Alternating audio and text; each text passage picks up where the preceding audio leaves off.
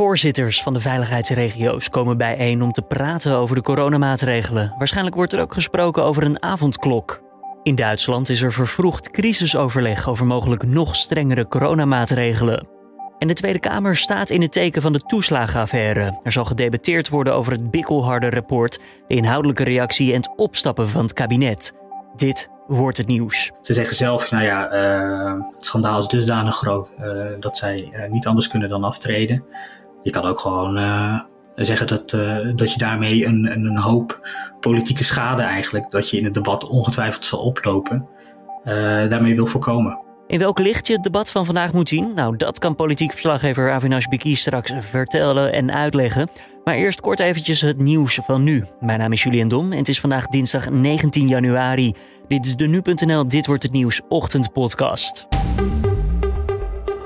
Huisartsen zullen nog deze maand gevaccineerd worden. Eerder was het plan om huisartsen pas in februari te vaccineren. Dat zorgde voor veel boosheid omdat de groep een verhoogd risico loopt, doordat zij in aanraking komen met coronapatiënten. Het gaat om 15.000 huisartsen en spoedzorgmedewerkers en ze krijgen deze en volgende week het Moderna-vaccin toegediend.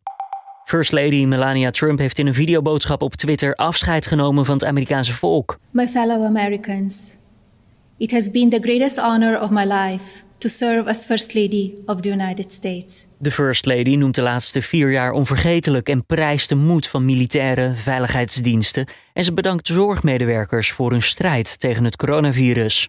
Ze leek in de video ook nog eventjes stil te staan bij de bestorming van het Capitool. Be passionate in everything you do, but always remember that violence is never the answer and will never be justified. Verder is er ook kritiek op de vertrekkende Melania Trump. Ze weigert namelijk Jill Biden, de aankomende First Lady, een rondleiding te geven in het Witte Huis. En daarmee breekt ze een bijna 100 jaar oude traditie. Persoonsgegevens van honderdduizenden asielzoekers zijn door het COA jarenlang onrechtmatig gedeeld met de politie. Daarover schrijft NRC dinsdag. Het gaat om de gegevens als geloofsovertuiging, etniciteit, leeftijd, land van herkomst en naam. Het delen van deze informatie is volgens juristen in strijd met de wet. De asielzoekers tekenden na hun aankomst in Nederland een toestemmingsverklaring. En daarin stond ook dat deze informatie met de politie kon worden gedeeld. Op dit formulier was echter alleen de optie ja beschikbaar. Lokale boekwinkels zagen de afgelopen dagen bijna een verdubbeling van hun omzet vergeleken met andere lockdownweken. De stijging lijkt het effect te zijn van een campagne die de boekenbranche vorige week startte om kleine boekwinkels te redden uit crisis. Meer dan 200 schrijvers, van Herman Koch tot Isa Hoes, riepen de afgelopen dagen hun volgers op sociale media op boeken te kopen via de sites van noodlijdende lokale boekhandels in plaats van de online giganten. VVD'er Bas van het Woud volgt Erik Wiebes op als minister van Economische Zaken. Daarover schrijft de Telegraaf. De 41-jarige van het Hout is nu staatssecretaris van Sociale Zaken en Werkgelegenheid. Wiebes stapte vrijdag op vanwege zijn rol in de toeslagaffaire en liet weten niet terug te keren in het demissionaire kabinet. Dan ons gesprek deze dinsdagochtend. De Tweede Kamer die debatteert vandaag over de toeslagenaffaire. Vrijdag bood premier Mark Rutte het ontslag van zijn kabinet aan bij de koning vanwege het snoeiharde rapport van de parlementaire ondervragingscommissie over deze kwestie. En vandaag is het de beurt aan de Tweede Kamer om hierover te discussiëren. Nou, wat kan je verwachten? Dat vroeg collega Carne van der Brink aan politiek verslaggever Avinash Biki. Nou ja, vandaag staat natuurlijk helemaal in het teken van, uh, van het aftreden van het kabinet. Um, dat is voor het weekend natuurlijk bekendgemaakt. En uh, misschien dat het een beetje, klein beetje is ondergesneeuwd, is de kabinetsreactie op het onderzoek dat uh, de Tweede Kamer heeft gedaan.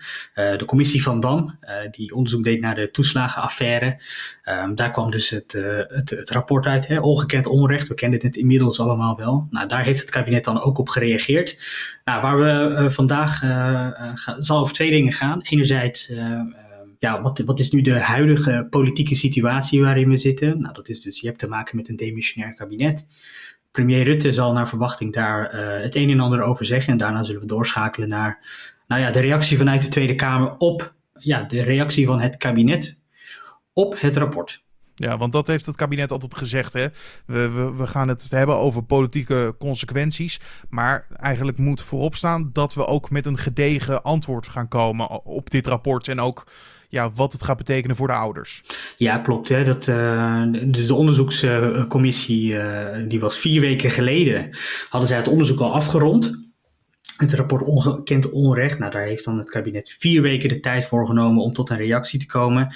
Nou, de, uh, premier Rutte zei dat had allemaal zo lang geduurd, omdat ze uh, eerst recht wilden doen aan de ouders, misschien iets wilden doen aan de compensatie, uitbreiding. Um, en en uh, nou toch met een soort van een plan te komen om te voorkomen dat een dergelijk schandaal zich kan herhalen. Um, gezegd is dat er pas in de afgelopen uh, paar overlegjes is gesproken over wat de politieke consequentie dan vervolgens zal moeten zijn. Zelf kwamen ze dus tot die conclusie op vrijdag. Hè, en toen uh, trokken ze de stekker uit het kabinet. Het, premier Rutte zei dat is een, een gezamenlijk besluit geweest het, uh, ja, het schandaal is dusdanig groot dat, uh, dat, dat, het hele kabinet daar uh, de verantwoordelijkheid voor heeft moeten nemen, was de boodschap afgelopen vrijdag. Maar dat het nu in de Tweede Kamer besproken wordt, is dat niet een beetje mosterd na de maaltijd, na wat er op vrijdag is gebeurd? Nou, het is in die zin mosterd na de maaltijd ehm, dat het kabinet zelf al de conclusie heeft getrokken natuurlijk. Um, en niet het debat heeft afgewacht. Zou je eigenlijk de koninklijke route willen bewandelen, dan uh, kom je met de kabinetsreactie. Ga je het debat ook aan met de Tweede Kamer? Uh, en dan heb je altijd nog de ruimte om, uh, om zelf die conclusie te trekken. dat gebeurt niet heel vaak in, in Den Haag, um, maar het gebeurt ook wel. minister Janine Hennis van Defensie, die trad in 2017 af vanwege ja, de, de, de dodelijke uh, afloop van uh, het gebruik van mortiergranaten in, uh, in een vredesmissie in Mali. een tijdje geleden, maar misschien kun je dat nog wel herinneren. Daarbij kwamen Nederlandse militairen om het leven. Nou, er is toen een hele hoop fout gegaan bij Defensie. Eigenlijk stond ook al wel weer een beetje vast hè, dat de positie van Hennis destijds onhoudbaar was. Zij ging toch dat uh, debat aan met de Tweede Kamer. Zij legde de verantwoording af. Zij beantwoordde alle vragen die de Kamer had. En trok toen zelf uh, uiteindelijk de conclusie voor het begin van de tweede termijn dat, uh, dat, zij, dat zij zou opstappen. Ja, het kabinet kiest die route niet. premier Rutte kiest die route ook niet. Ze zeggen zelf, nou ja, het schandaal is dusdanig groot dat zij niet anders kunnen dan aftreden.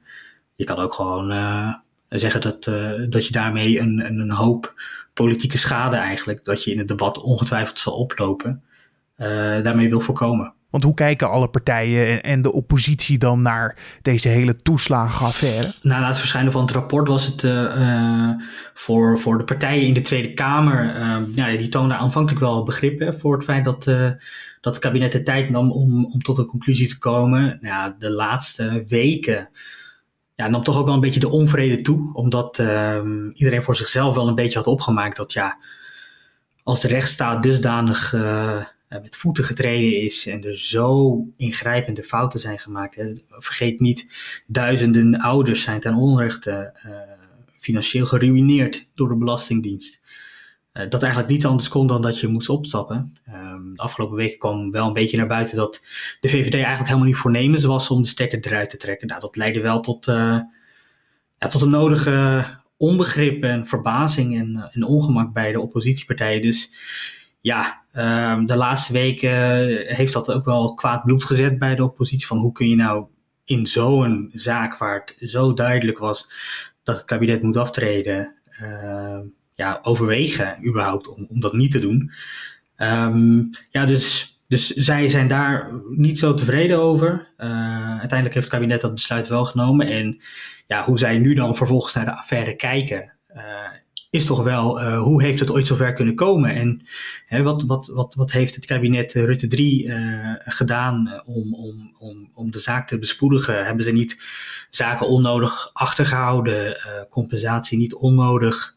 Uh, vertraagd. En hoe zit het nou met, uh, met de rol van premier Rutte? Niet alleen in dit kabinet, maar natuurlijk ook in voorgaande kabinetten. Want ja, de affaire komt ergens uit voort en dat is niet ontstaan in dit kabinet. Maar denk je dat er dan nog inhoudelijk wordt gesproken over ja, de val van het kabinet en de manier waarop dat ging? Of is het allemaal een beetje voor de bühne? Nou, ik denk dat het verder over het aftreden, uh, dat dat niet meer echt een, een punt van discussie zal zijn. Want iedereen had dat eigenlijk al verwacht. Ja, precies. En die reacties zijn uh, op zich ook wel gegeven. Hè? Afgelopen vrijdag, verschillende oppositiepartijen hadden ook gezegd, ja, dit is de enige, enige keuze die je, die je kan maken. Ja, waar, waar partijen denk ik nog wel een punt van zullen maken en dat ook wel hebben gedaan. Uh, onder meer uh, door de grootste oppositiepartij, de PVV. Geert Wilders heeft gezegd, ja, het aftreden is eigenlijk alleen maar symbolisch als, als, als de betrokkenen, uh, in dit geval premier Rutte, die al tien jaar premier is en natuurlijk gewoon grote verantwoordelijkheid draagt voor datgene wat er gebeurd is, als, als hij gewoon verder gaat als, als,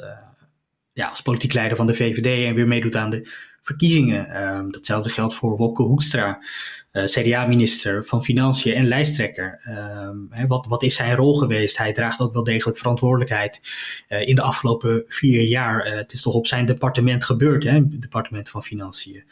Um, daarvan uh, hebben we gezien dat uh, Lodewijk Asscher van de PvdA die conclusie wel getrokken heeft en heeft gezegd ik kan niet langer door als lijsttrekker. Uh, minister Erik Wiebes die zei ook dat hij vond dat hij niet langer door kon gaan vanwege zijn rol in de affaire. Ja, de verschillende oppositiepartijen zullen zich toch wel afvragen waarom het zo is dat, dat premier Rutte die conclusie niet trekt. En hetzelfde geldt voor Wopke Hoekstra, waarom hij ook vindt dat hij na de val van het kabinet gewoon doorgaat in de politiek. En in hoeverre zo een aftreden dan symbolisch zal zijn. De huidige stand van zaken is dat we nu te maken hebben met een demissionair kabinet uh, in tijden van de coronacrisis. Zal het daar ook nog over gaan, hoe het land nu bestuurd zal gaan worden? Nou, dat was, dat was wel een van de, een van de ja, pijnpunten voor, voor met name dan de VVD. Dat, dat gebruikt ze als argument. Dat we midden in een crisis zitten, dat is ongetwijfeld waar. Uh, grootste crisis sinds de Tweede Wereldoorlog, de corona-epidemie. Um, en uh, ja, hoe, hoe moet je dan verder? Dan moet ik even erbij opmerken, als het kabinet eenmaal gevallen is, dan hebben we te maken met een demissionair kabinet. Dan is het gebruikelijk dat, er, dat een kabinet dat gevallen is en wacht eigenlijk op de verkiezingen totdat de kiezer gesproken heeft, geen ingrijpende besluiten meer neemt, geen ingrijpende wetsvoorstellen doet.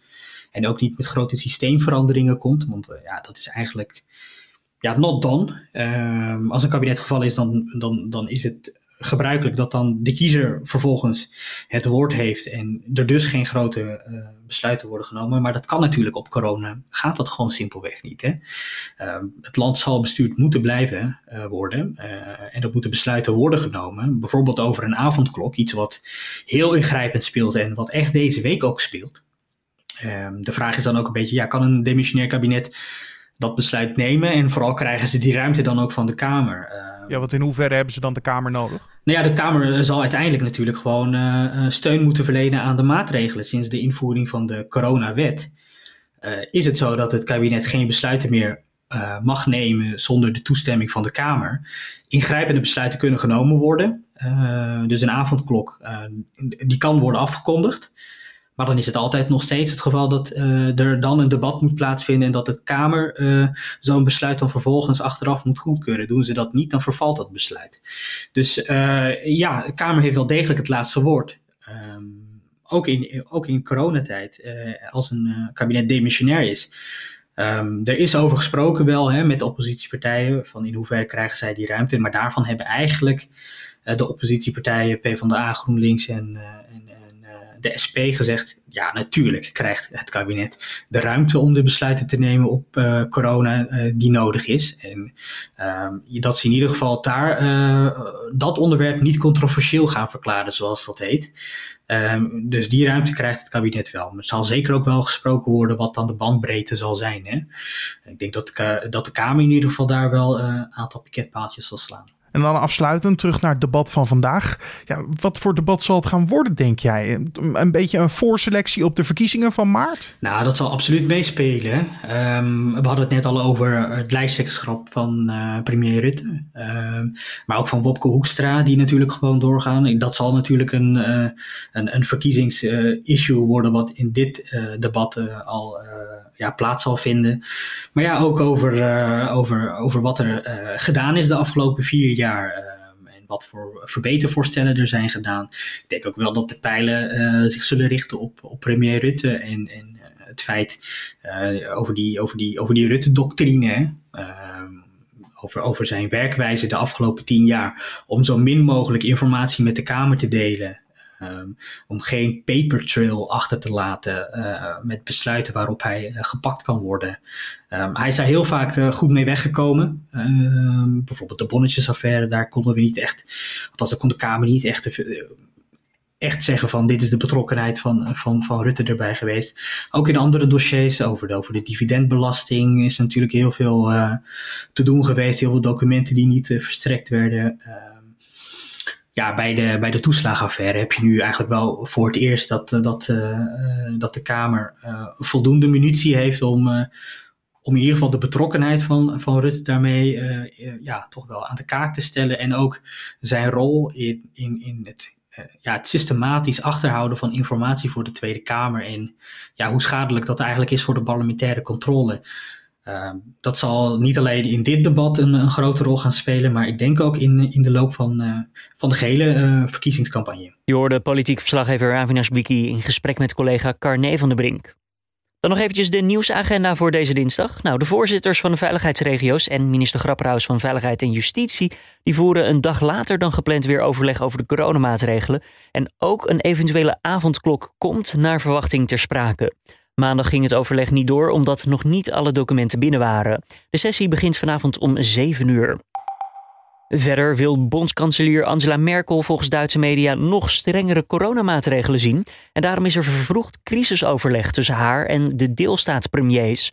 Sommige media melden dat Merkel een mega-lockdown voor ogen heeft. En dat zou betekenen dat de kinderopvang en onderwijsinstellingen helemaal gesloten worden. Dan voor het weerbericht vertelt Raymond Klaassen van Weerplaza je alles wat je moet weten deze dinsdag. Het is vandaag een bewolkte en grijze dag en het regent geruime tijd. In de loop van de middag wordt het vanuit het westen wel wat vaker droog, maar de kans op buien blijft bestaan. Het is erg zacht. De temperatuur ligt tussen de 7 en de 10 graden en er waait een matige tot vrij krachtige wind uit het zuidwesten. Aan zee kan het zelfs nog wat harder waaien.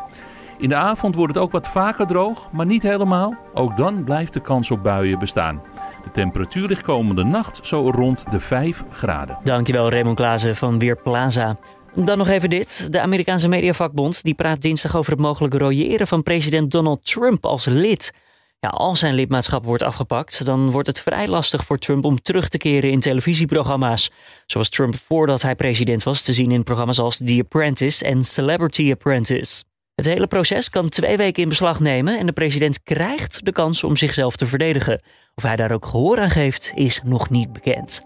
En dit was dan de Dit wordt het nieuws ochtendpodcast van deze dinsdag 19 januari. Tips of feedback laat het weten via podcast.nu.nl. Mijn naam is Julian Dom. Ik wens je voor nu een fijne dinsdag. Vanmiddag is mijn collega Carne van der Brinker met de middageditie van deze podcast. En morgenochtend, dat is woensdagochtend om 6 uur, spreek ik je weer op nu.nl.